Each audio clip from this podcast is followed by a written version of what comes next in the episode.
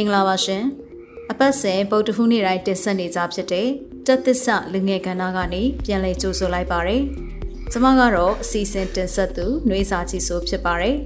ဒီဘက်မှာမိတ်ဆွေတို့ကို ပြန်လည်ဝေမျှပေးခြင်းနဲ့အကြောင်းအရာလေးကတော့မတန်ဆွမ်းသူတွေကိုသူတို့ရဲ့ချွတ်ယွင်းအားနည်းချက်ကိုအကြောင်းပြပြီးတော့မှမိသားစုဝင်တွေကအတုံးချအလှခံခြင်းကိုကျမကိုယ်တိုင်မျက်မြင်ကိုယ်တွေ့တွေ့ခဲ့ရတဲ့အကြောင်းလေးကိုပြောပြချင်တာဖြစ်ပါတယ် ဒီအကြောင်းအရာလေးကိုမတင်ဆက်ခင်မှာမိတ်ဆွေတို့ရောကိုနေ့စဉ်ဖြတ်တန်းသွားလာနေတဲ့ခရီးတစ်လျှောက်မှာအတန်ဆွမ်းသူတွေကိုသူတို့ရဲ့မိသားစုဝင်တွေကအလှခံတဲ့နေရာမှာအဖော်လိုက်ပေးတာဖြစ်စေဥဆောင်ပြီးတော့မှအလှခံပေးတာဖြစ်စေကြုံတွေ့ခဲ့ဘူးမှာပါအဲ့ဒါလေးတွေကိုအရင်ဆုံးပြန်ပြီးတော့မှစဉ်းစားကြည့်စေချင်ပါတယ်ရုတ်တရက်ကြည့်လိုက်ရင်တော့ဒါဟာမြင်နေကြကိစ္စပဲ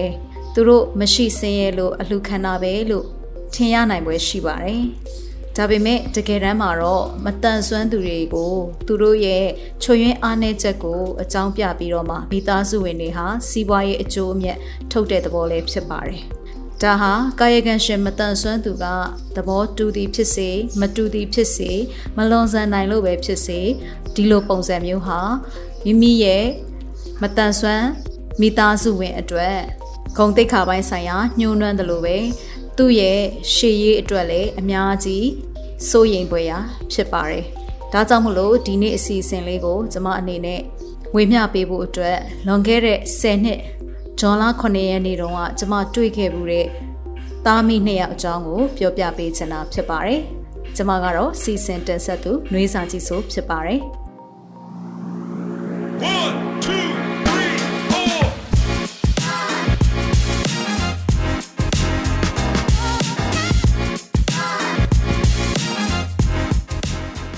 မင်္ဂလာပါခင်ဗျာရီမမောပေါ့ပပရဲ့အပတ်စဉ်ဗုဒ္ဓဟူးနေ့တိုင်းမှာတင်ဆက်နေကြဖြစ်တဲ့တက်သစ္စာလူငယ်ကဏ္ဍကနေကြိုဆိုလိုက်ပါတယ်ဒီ podcast ကတော့မြမလူမှုနယ်ပယ်ကစိတ်အားတက်ကြွပွဲဇလန်းအစုံကိုအများသူငါကိုမတန်ဆွမ်းမှုအသိပညာမြင့်တင်ပေးဖို့အတွက်လွတ်လပ်တဲ့အတွေးခေါ်စင်ကျင်နိုင်မှုတွေနဲ့အတူမျှဝေလူကြသူတွေရဲ့အတန်တွေကိုပြုစုပြောထောင်ဖို့တည်ထောင်ထားခြင်းဖြစ်ပါတယ်။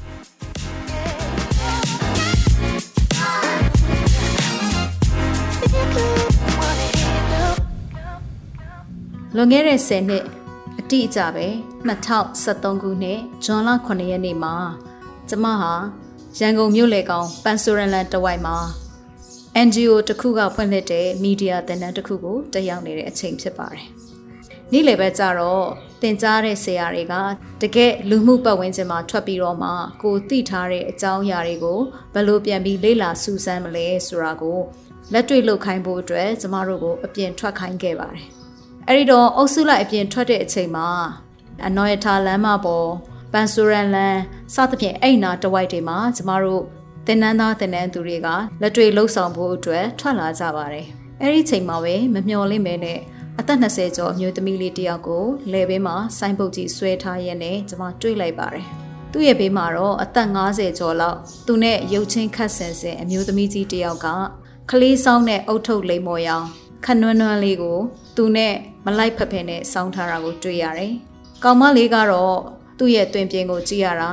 ရိုးရိုးသားသားပုံလေးပဲ။ပြီးလို့ရှိရင်သူ့ရဲ့ခေါင်းမှာတော့ handmade ရွှေဝါရောင်ကလေးကလေးတစ်ခုကိုသူပန်ထားတယ်။ဒါပေမဲ့ကျမရင်ထဲမှာခံစားလို့မရတာက သူ့ရဲ့ရင်ဘတ်ပေါ်မှာအလျားတပေအနံရှစ်လက်မလောက်ရှိတဲ့ fiber ပြားကြီးတစ်ခုကိုလဲပေးမှာဆွဲပေးထားတယ်။အဲ့ဒီ fiber ပြားကြီးကို ချီကျိုးခတ်တုတ်တုတ်နဲ့သူတို့ကောင်မလေးရဲ့လဲပင်မှာဆွဲပေးထားတယ်။ဖတ်ကြည့်လိုက်တော့သမီးလေးမျက်စိကုသရန်အတွက်အလှခံပါသည်တဲ့။ကျမစိတ်ထဲမှာဇနိုးစနောင်ဖြစ်သွားတယ်။တကယ်ပဲဒီကလေးမရဲ့မျက်စိဟာကုလို့ရနိုင်သလား။ကျမခေါင်းထဲမှာမိခွန်းတွေပေါ်လာတယ်။မျက်စိဆိုတဲ့နေရာမှာရာပင်းလေးကပြောက်လို့အတွတ်ဆိုတဲ့တောင်ဝင်းမူလေးကလည်းတချမ်းမရှိတော့ဒါဆိုရင်ဒီဆိုင်ဘုတ်ကိုကြည့်ကြတဲ့ကဘ ယ်နှစ်နှစ်သုံးခဲ့တယ်ဆိုတော့နှစ်ကာလအပိုင်းခြားကိုကျွန်မမှတ်မိတယ်အမျိုးသမီးလေးတယောက်အနေနဲ့အမြင်အာယုံမတန်ဆွမ်းရတဲ့ကြားတယ်အခုလိုမျိုးရုပ်ပြက်ဆင်းပြက်လေဘင်းမှာဆွဲထားရတာကို သူတကယ်ပဲနှစ်သက်နေပါမလားပြီးတော့ကောဒီအမျိုးသမီးဟာသူနဲ့ရုပ်ချင်းစင်နေအသက်အရွယ်ကလည်းကွာတယ်လို့ပြောလို့ရတယ်အနှစ်30လောက်ကွာတဲ့ဒီအသက်အရွယ်နှစ်ခုဟာသားအမိဒါမှမဟုတ်ညီအဖွာလည်းဖြစ်နိုင်တာပဲလေ ဒါဆိုရင်သူကရောဘာဖြစ်လို့ဒီလိုဆိုင်းဖုတ်ကြီးကိုကလေးမလေးလည်းပင်မှာဆွဲပြီးလူတကာတဲ့သွားနေတာကိုဥဆောင်နေရတာလေကျမကောင်းထဲမှာမရေမတွက်နိုင်တဲ့မိကွန်းနေတိကျင်စိတ်တွေတဖွာဖွာဖြစ်လာပါတယ်ဒါနဲ့ပဲကျမလည်းလက်တွေ့လုံနေတဲ့အတန်းပေါ်တွေကိုခဏခွင့်တောင်းပြီးတော့အဲ့ဒီအမျိုးသမီးနှစ်ယောက်ရှိရာကိုသွားခဲ့ပါတယ်ဒီမှာရှင်ဒီမှာဟိုအရှိရအန်တီခဏရက်ပါအောင်ရှင်ကျမရဲ့အတန်ကြောင့်မို့လို့ တဆိုင်ဝင်တဆိုင်ထွက်တအိမ်ဝင်တအိမ်ထွက်လမ်းပေါ်မှာတွေးသမျှလူတွေကိုရက်ပြီးတော့မှအလှခံဖို့အတွက်ဥဆောင်နေတဲ့အတော်ကြီးကရုတ်တရက်ကျမကိုလှည့်ကြည့်လိုက်တယ်။သူကကျမကိုပတ်စံထဲမယ်လို့ထင်နေပုံရပါတယ်။ဒါပေမဲ့အဲ့အချိန်မှာကျမလက်ထဲမှာတပြားမှမပါပါဘူး။တင်နှန်းအတွက်လေ့ကျင့်နေတဲ့လက်ကင်ဖုန်းလေးတစ်လုံးပဲပါပါတယ်။အဲ့ဒီတော့ကကျမက NGO ဝန်ထမ်းတယောက်အနေနဲ့အလုပ်ယုံဆွေးနွေးပွဲတက်နေတာဖြစ်တဲ့အတွက် မြန်မာလိုတသက်ရဲ့ဝတ်စားထားပါတယ်။အပေါ်က sequence ထိုးထားတဲ့ရင်ပုံးအင်ဂျီလေးနဲ့အောက်ကအမေဆင်ထားတဲ့ဇင်းမဲ့လုံးကြီးအစိမ့်ပုတ်ရောင်လေးကိုဝတ်ထားပါတယ်။ဒီတော်ကြီးကကျမဘက်ကိုလှည့်လိုက်တယ်ဆိုရင်ပဲအတော်ကြီးရဲ့ညာဘက်လက်မှာသူမရဲ့ဘယ်ဘက်လက်ကလေးကိုတွဲချိတ်ထားတဲ့ကောင်မလေးကအလိုက်တင်ပါလာပြီးကျမဘက်ကိုမျက်နှာမူလိုက်ပါတယ်။အိုးစီစမ်းမအောင်ငါတကာဒီကလေးမအသက်20ဆွန်းယုံလေးပေါ့။ နှစ်ယောက်စလုံးကတနခါပိမ့်ပိမ့်လေးတွေလိန်ထားကြပါတယ်။ဒါပေမဲ့ကောင်မလေးရဲ့မျက်နှာပေါ်မှာတော့ထီးမပါအုတ်ထုပ်မပါနဲ့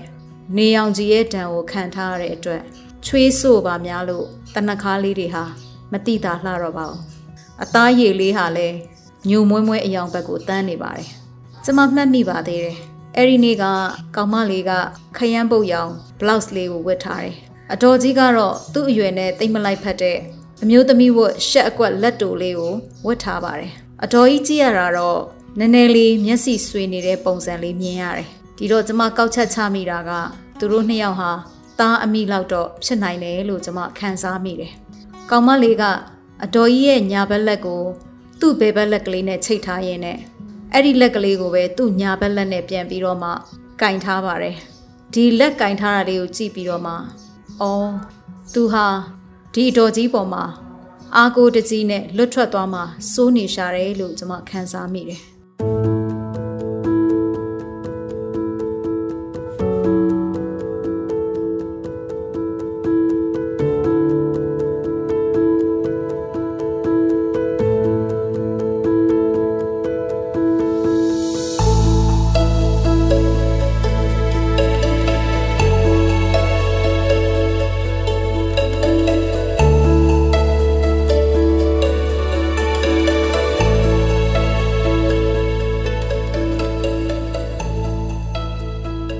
လိုနဲ့ကျမကိုမျောလင်းချက်မျက်လုံးနေနဲ့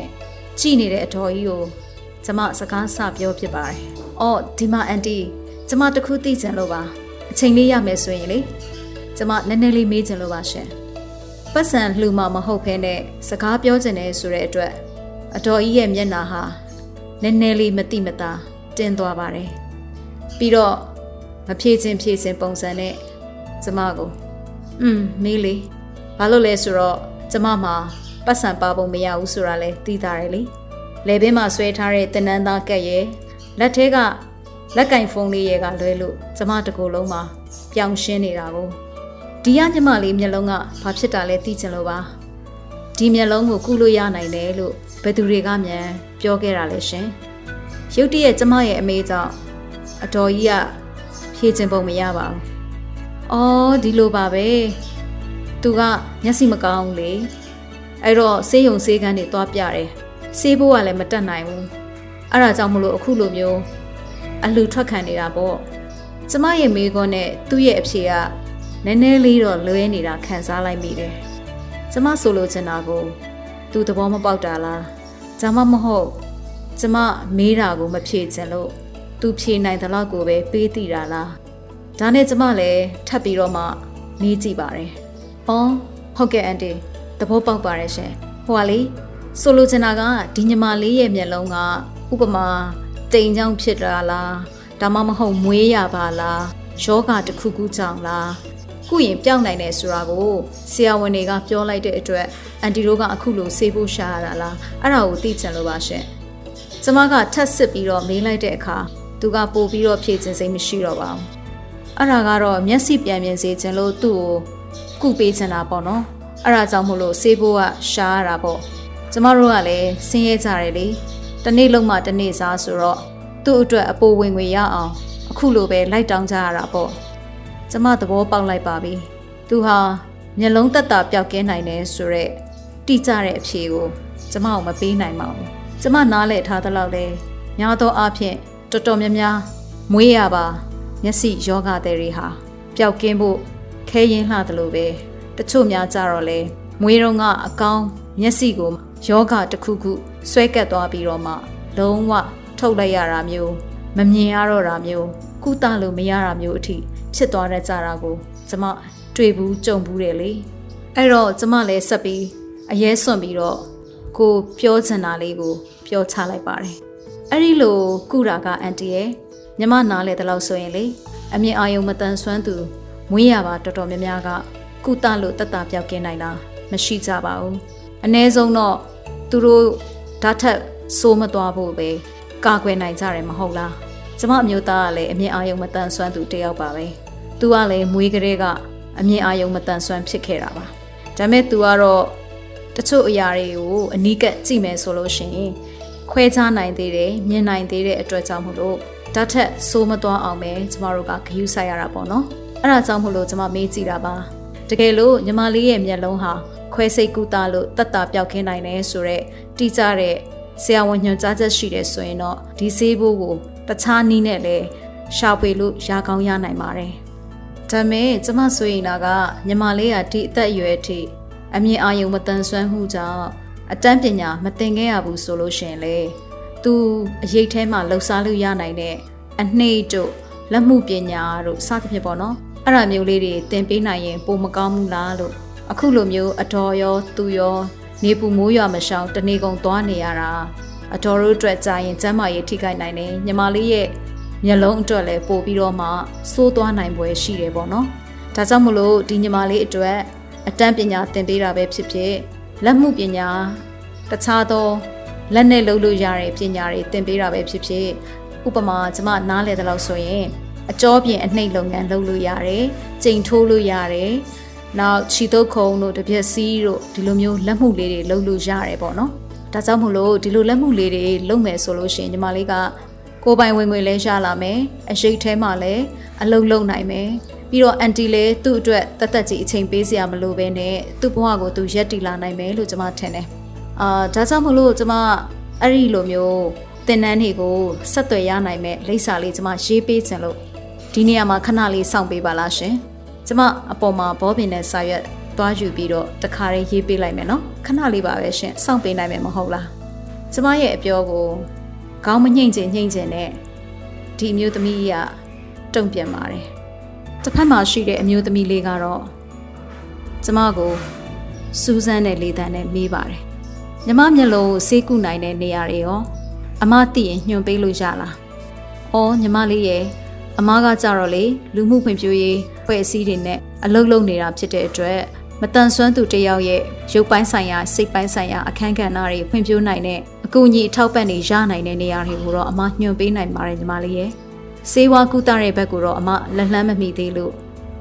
လက်တလုံးမညွှန်ပေးနိုင်သေးပါဘူးညီမလေးဒီလိုနဲ့ကျမကြပြကြရတင်တန်းခမ်းမပေါ်တက်ကျမသိတဲ့တင်တန်းဆောင်လိပ်စာနဲ့ဖုန်းနံပါတ်ကိုရေးပြီးတော့ လှေကားတိုင်ပြေးဆင်းလာခဲ့ပါတယ်အောက်ကိုရောက်သွားတဲ့အခါမှာတော့ပတ်ဝန်းကျင်တဝိုက်ကိုကျမမျက်လုံးဝေးဝိုက်ပြီးတော့လိုက်ရှာကြည့်ပါတယ်ဒီအမျိုးသမီးနှစ်ယောက်ကိုကျမမတွေ့တော့ပါဘူးဒါဟာကျမတို့ရဲ့ပထမဦးဆုံးစုံတွေ့ခြင်းအမှတ်တရပါပဲ။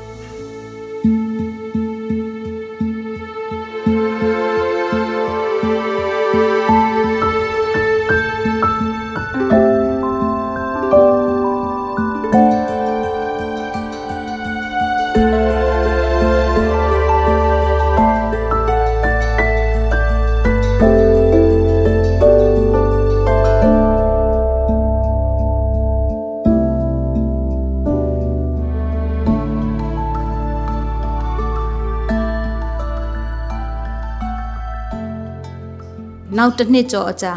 2014ခုနှစ်ဇွန်လ10ရက်မှာပေါ့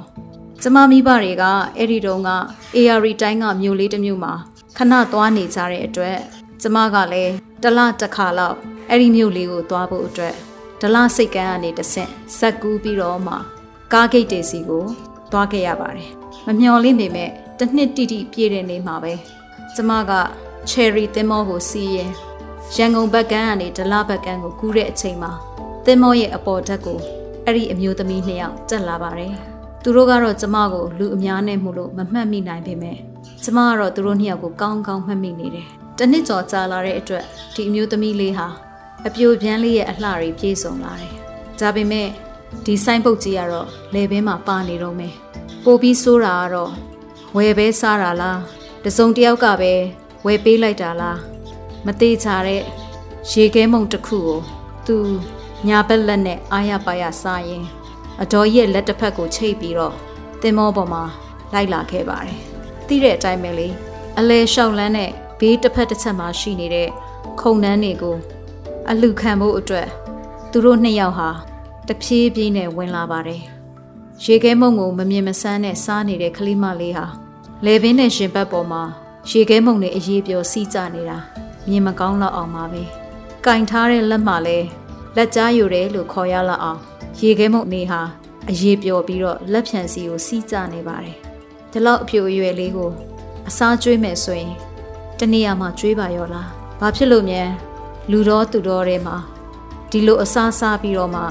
ပိုက်ဆံတောင်းရမှုအတွက်သွာလာနေရတာလေ။ကျမရင်ထဲမှာအတန်ဆွမ်းသူတယောက်ကိုမြင်ရင်ကိုတောင်းဝင်မကင်းသလိုခံစားရတဲ့ခံစားချက်တစ်ခုကခတ်တင်းတင်းရှိနေပါတယ်။ဒီလိုနဲ့ ရှောက်လန်းပေးမှထိုင်နေတဲ့ကျမနာကိုသူတို့နှစ်ယောက်ရောက်လာပါတယ်။ကျမလည်းကျမကိုမှတ်မိလားမမှတ်မိလားသိချင်စောနဲ့စောင်းထားတဲ့အုတ်ထုပ်ကိုနည်းနည်းလေးလှန်တင်းပြီးတော့မနစ်ကတော့စုံခဲ့သေးတယ်နော်အန်တီ။ကျမလိမ့်စာပေးမလို့တက်ရေးနေတော့အန်တီတို့ထွက်သွားကြတယ်။ကျမဒီလိုပြောလိုက်ရင်ပဲအတော်ကြီးကမျက်နှာပြတ်သွားပါတယ်။ကျမတို့အတန်းငွေထဲမဲ့သူတွေရဲ့လှမ်းနေတဲ့လက်ကိုတော့မကြည့်ပဲနဲ့ ကောင်မလေးကိုကျမရှိရစောင့်ဆွဲသွားပါတယ်။သိကြပါတယ်။သူကျမကိုမှတ်မိသွားပြီ။အဲ့ဒါကကျမဖွင့်ပြောလိုက်လို့လေ။အခုလိုအပြိုအရွယ်မိန်းကလေးတယောက်အနေနဲ့မတန်ဆွမ်းသူဖြစ်ရတဲ့ကြားထဲမှာမှာဒီလိုမိသားစုဝင်တွေကနှိမ့်ကြတဲ့အလုပ်တွေကိုဘာကြောင့်လုပ်ခွင့်ပေးနေတယ်လို့လုပ်ခိုင်းနေရတာလဲ။ကျမစဉ်းစားမရပါဘူးရှင်။သူတို့ဘာကြောင့်မပြောင်းလဲနိုင်သေးတာလဲ။သူတို့ကိုကျမတို့ဘယ်လိုတွေလမ်းပြရမလဲ။သူတို့တကယ်ရော ဒီအမျိုးသမီးလေးရဲ့ဘဝကိုကောင်းစားစေချင်တာဟုတ်ရဲ့လားကျမရှိကနေခတ်တုတ်တုတ်ထွက်သွားပြီးတင်မောအောက်ထက်ကိုဆင်းသွားတဲ့ဒီအမျိုးသမီးနှစ်ယောက်ကိုကျမကြည့်ရင်အမတန်စိတ်မကောင်းဖြစ်ရပါတယ်ဒါဟာကျမတို့ဒုတိယအကြိမ်တွေ့ဆုံခြင်းပါ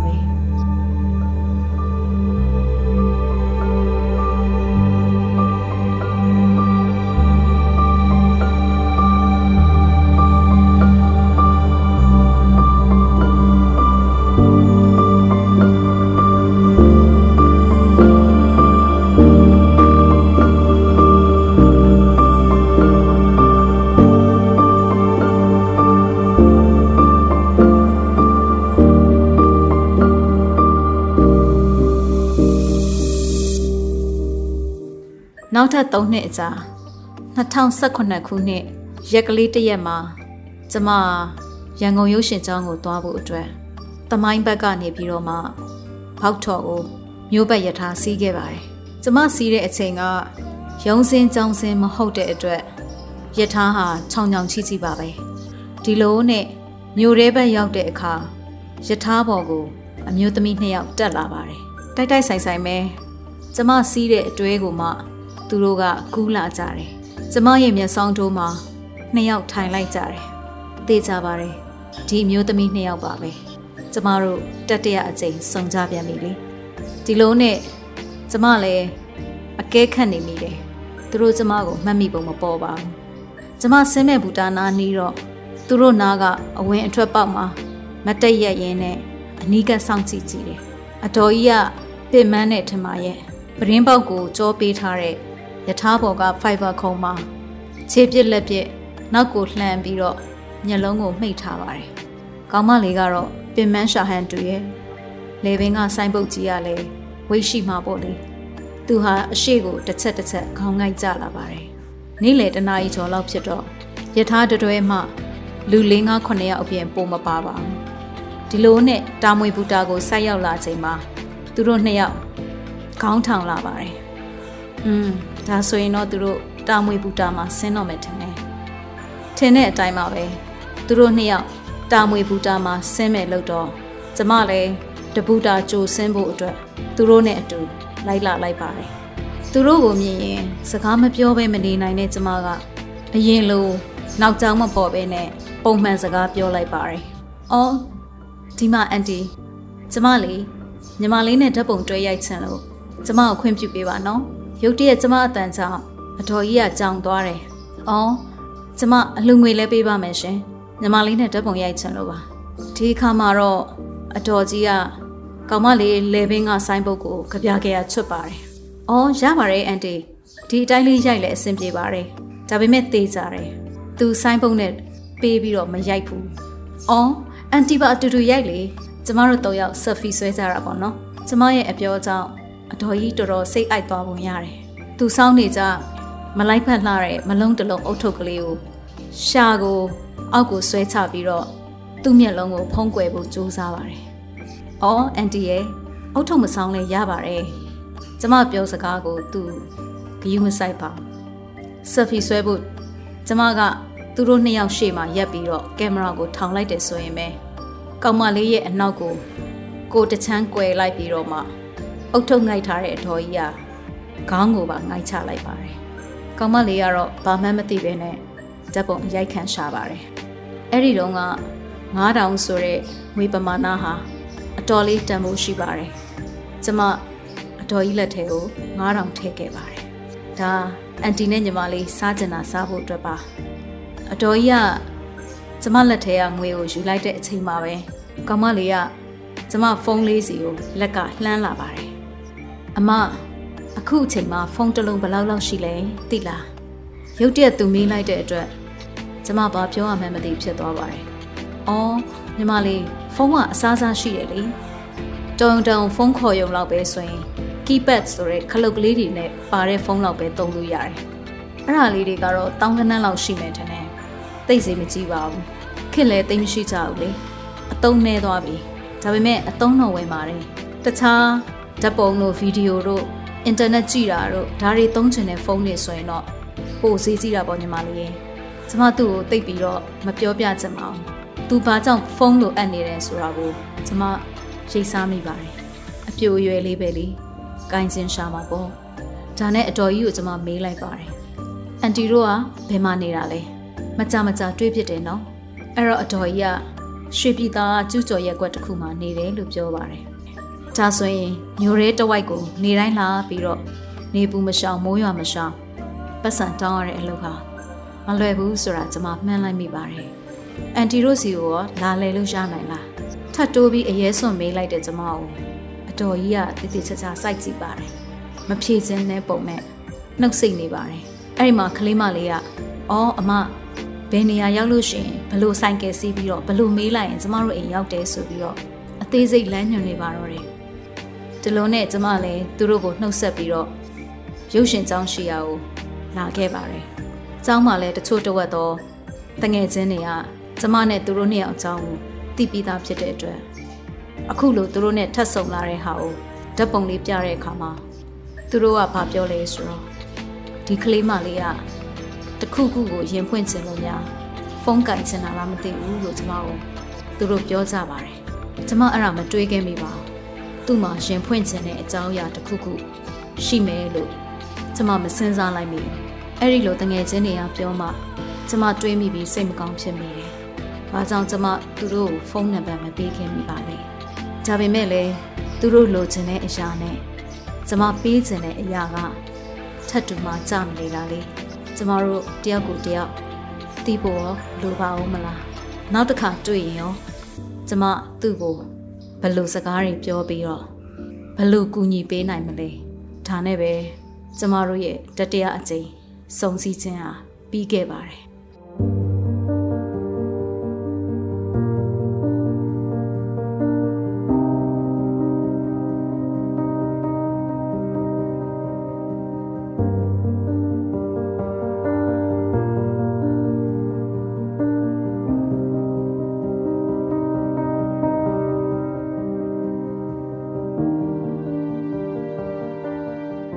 ဒီလိုနဲ့ COVID-19 ကပ်ရောဂါကာလကြီးနောက်ပိုင်းမှာတော့ကျမဟာအပြင်ထွက်ဖို့အတွက်အခွင့်အလမ်းနည်းသွားပါပြီ။ဒီနေ့ဒီနေ့အိမ်ထဲမှာပဲနေရင်းနဲ့လေလာစရာတွေသင်ကြားစရာတွေအတုံးချစရာတွေမျိုးစုံနဲ့ကျမဘဝကြီးလဲပတ်နေခဲ့တာ။အပြင်မထွက်တဲ့နှစ်ပေါင်း3နှစ်ကျော်လာပါပြီ။နောက်ဆုံးတွေ့တဲ့အချိန်ကြီးနဲ့ပေါင်းမယ်ဆိုရင်ကျမဟာ6နှစ်နီးပါးလောက်သူတို့နဲ့ မဆုံပြတ်တော့ပါဘူး။တကယ်လို့များကျမပြောပြတဲ့အမျိုးသမီးလေးဟာမိတ်ဆွေတို့ရဲ့အနီးအနားမှာပေါ်လာမယ်ဆိုရင်သူ့ရောမိတ်ဆွေတို့ဘယ်လိုကူညီကြမှာလဲကျမအယမ်းသိချင်ပါတယ်ဒီအကြောင်းအရာလေးကိုကျမပြန်ပြောပြရတာမတန်ဆွမ်းအမျိုးသမီးလေးတစ်ယောက်ပဲဖြစ်ဖြစ်အမျိုးသားလေးတစ်ယောက်ပဲဖြစ်ဖြစ်တက်ကြီးရွယ်အိုပဲဖြစ်ဖြစ်ခလေးတငယ်ပဲဖြစ်ဖြစ်သူတို့ရဲ့မတန်ဆွမ်းမှုကိုအကြောင်းပြပြီးတော့ အတူနေမိသားစုဝင်တွေကစီးပွားရေးအမျက်ထုတ်တာသူတို့ရဲ့ကိုကြိုးစီးပွားကိုမစင်စားပဲနဲ့ကိုယ့်ရဲ့လက်တလောအခက်ခဲဖြည့်ရှင်းနိုင်ဖို့အတွက်ပဲသူ့ကိုအတုံးချလိုက်တာမျိုးတွေမဖြစ်စေချင်လို့ပါဒီနေရာမှာကျမနဲ့သဘောထားလွတ်လပ်စွာကွဲလွဲနိုင်ပါတယ်ကျမရဲ့အမြင်ကတော့သူတို့အရွယ်ရှိတော့သူတို့ကိုအခမဲ့ပညာသင်ပေးနိုင်တဲ့နေရာတွေအသက်မွေးဝမ်းကြောင်းသင်ပေးနိုင်တဲ့နေရာတွေသူတို့ပို့ပြီးတော့မှလူအတိုင်းဝိုင်းတွေကိုရောက်နိုင်ဖို့အတွက် လေ့ကျင့်ပြိုးထောင်ပေးနိုင်မယ့်အဖွဲ့အစည်းတွေလိုအပ်ပါတယ်ကိုယ့်ရဲ့အတွေ့တစ်ခုတည်းနဲ့ကိုယ့်ရဲ့မိသားစုဝင်တယောက်ရဲ့ဘဝကိုကိုမရှိတော့တဲ့အချိန်မှာဘယ်လိုရက်တည်မလဲဆိုတာကိုမတွေးဘဲနဲ့ကိုရှိနေတော့မှသူ့ရဲ့ဘဝအတွက်သူ့ရဲ့ရှေ့ရေးအတွက်မစင်စားပဲငွေရေးကြေးအခက်ခဲလေးတစ်ခုတည်းနဲ့သူ့ဘဝကြီးကိုအသုံးမချလိုက်ဖို့အတွက်ကျမကမေတ္တာရက်ခံချင်တာပါကျမနဲ့သဘောထားကွဲလွဲကြသူတွေမှလည်းမတူညီတဲ့ခံယူချက်တွေ အတွေးအမြင်တွေရှိကြမယ်လို့ကျမယုံကြည်ပါတယ်ဒါပေမဲ့အဲ့ဒီခံယူချက်အတွေးမြင်တွေဟာကိုမိသားစုရဲ့လက်တလောအခက်ခဲဖြေရှင်းဖို့အတွက်ပဲမဟုတ်ဘဲနဲ့ကိုမိသားစုရဲ့မတန်ဆွမ်းသူတယောက်ရဲ့ဘဝကိုဘလို့မြင့်တင်ပေးရမလဲဆိုတဲ့ရှုထောင့်နဲ့တွေးမြင်သုံးသပ်ပေးဖို့အတွက်ကျမအကြံပေးချင်ပါတယ်မိတ်ဆွေတို့ရဲ့မတူညီတဲ့အတွေ့အကြုံတွေခံယူချက်တွေသဘောဆန္ဒတွေရှိတယ်ဆိုရင်လည်း မှတ်ချက်များမှာလွတ်လပ်စွာ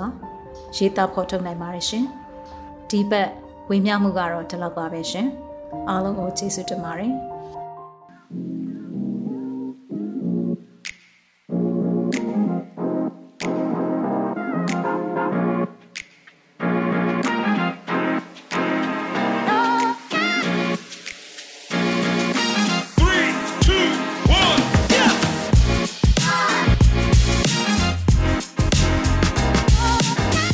ကျွန်တော်တို့ရဲ့ရီရီမမောပေါ့ပပ pocket အစီအစဉ်မှာအလုတ်တင်အဖြစ်ဖန်တီးမှုမျိုးစုံကိုလက်စွမ်းပြလှုပ်ဆောင်ဖို့စိတ်ပါဝင်စားသူများအနေနဲ့ Google Form ကနေပြီးတော့မှမိမိတို့ရဲ့မှတ်ပုံတင်ရှေ့နောက်နဲ့အလှဓာတ်ပုံတစ်ပုံအပြင်နမူနာလက်ရာတစ်ခုနဲ့အမြန်ဆုံးရှောက်ထားကြဖို့ဖိတ်ခေါ်လိုက်ပါတယ်။နောက်တစ်ပတ်ဗုဒ္ဓဟူးနေ့မှာပြန်ဆောင်ကြရအောင်နော်။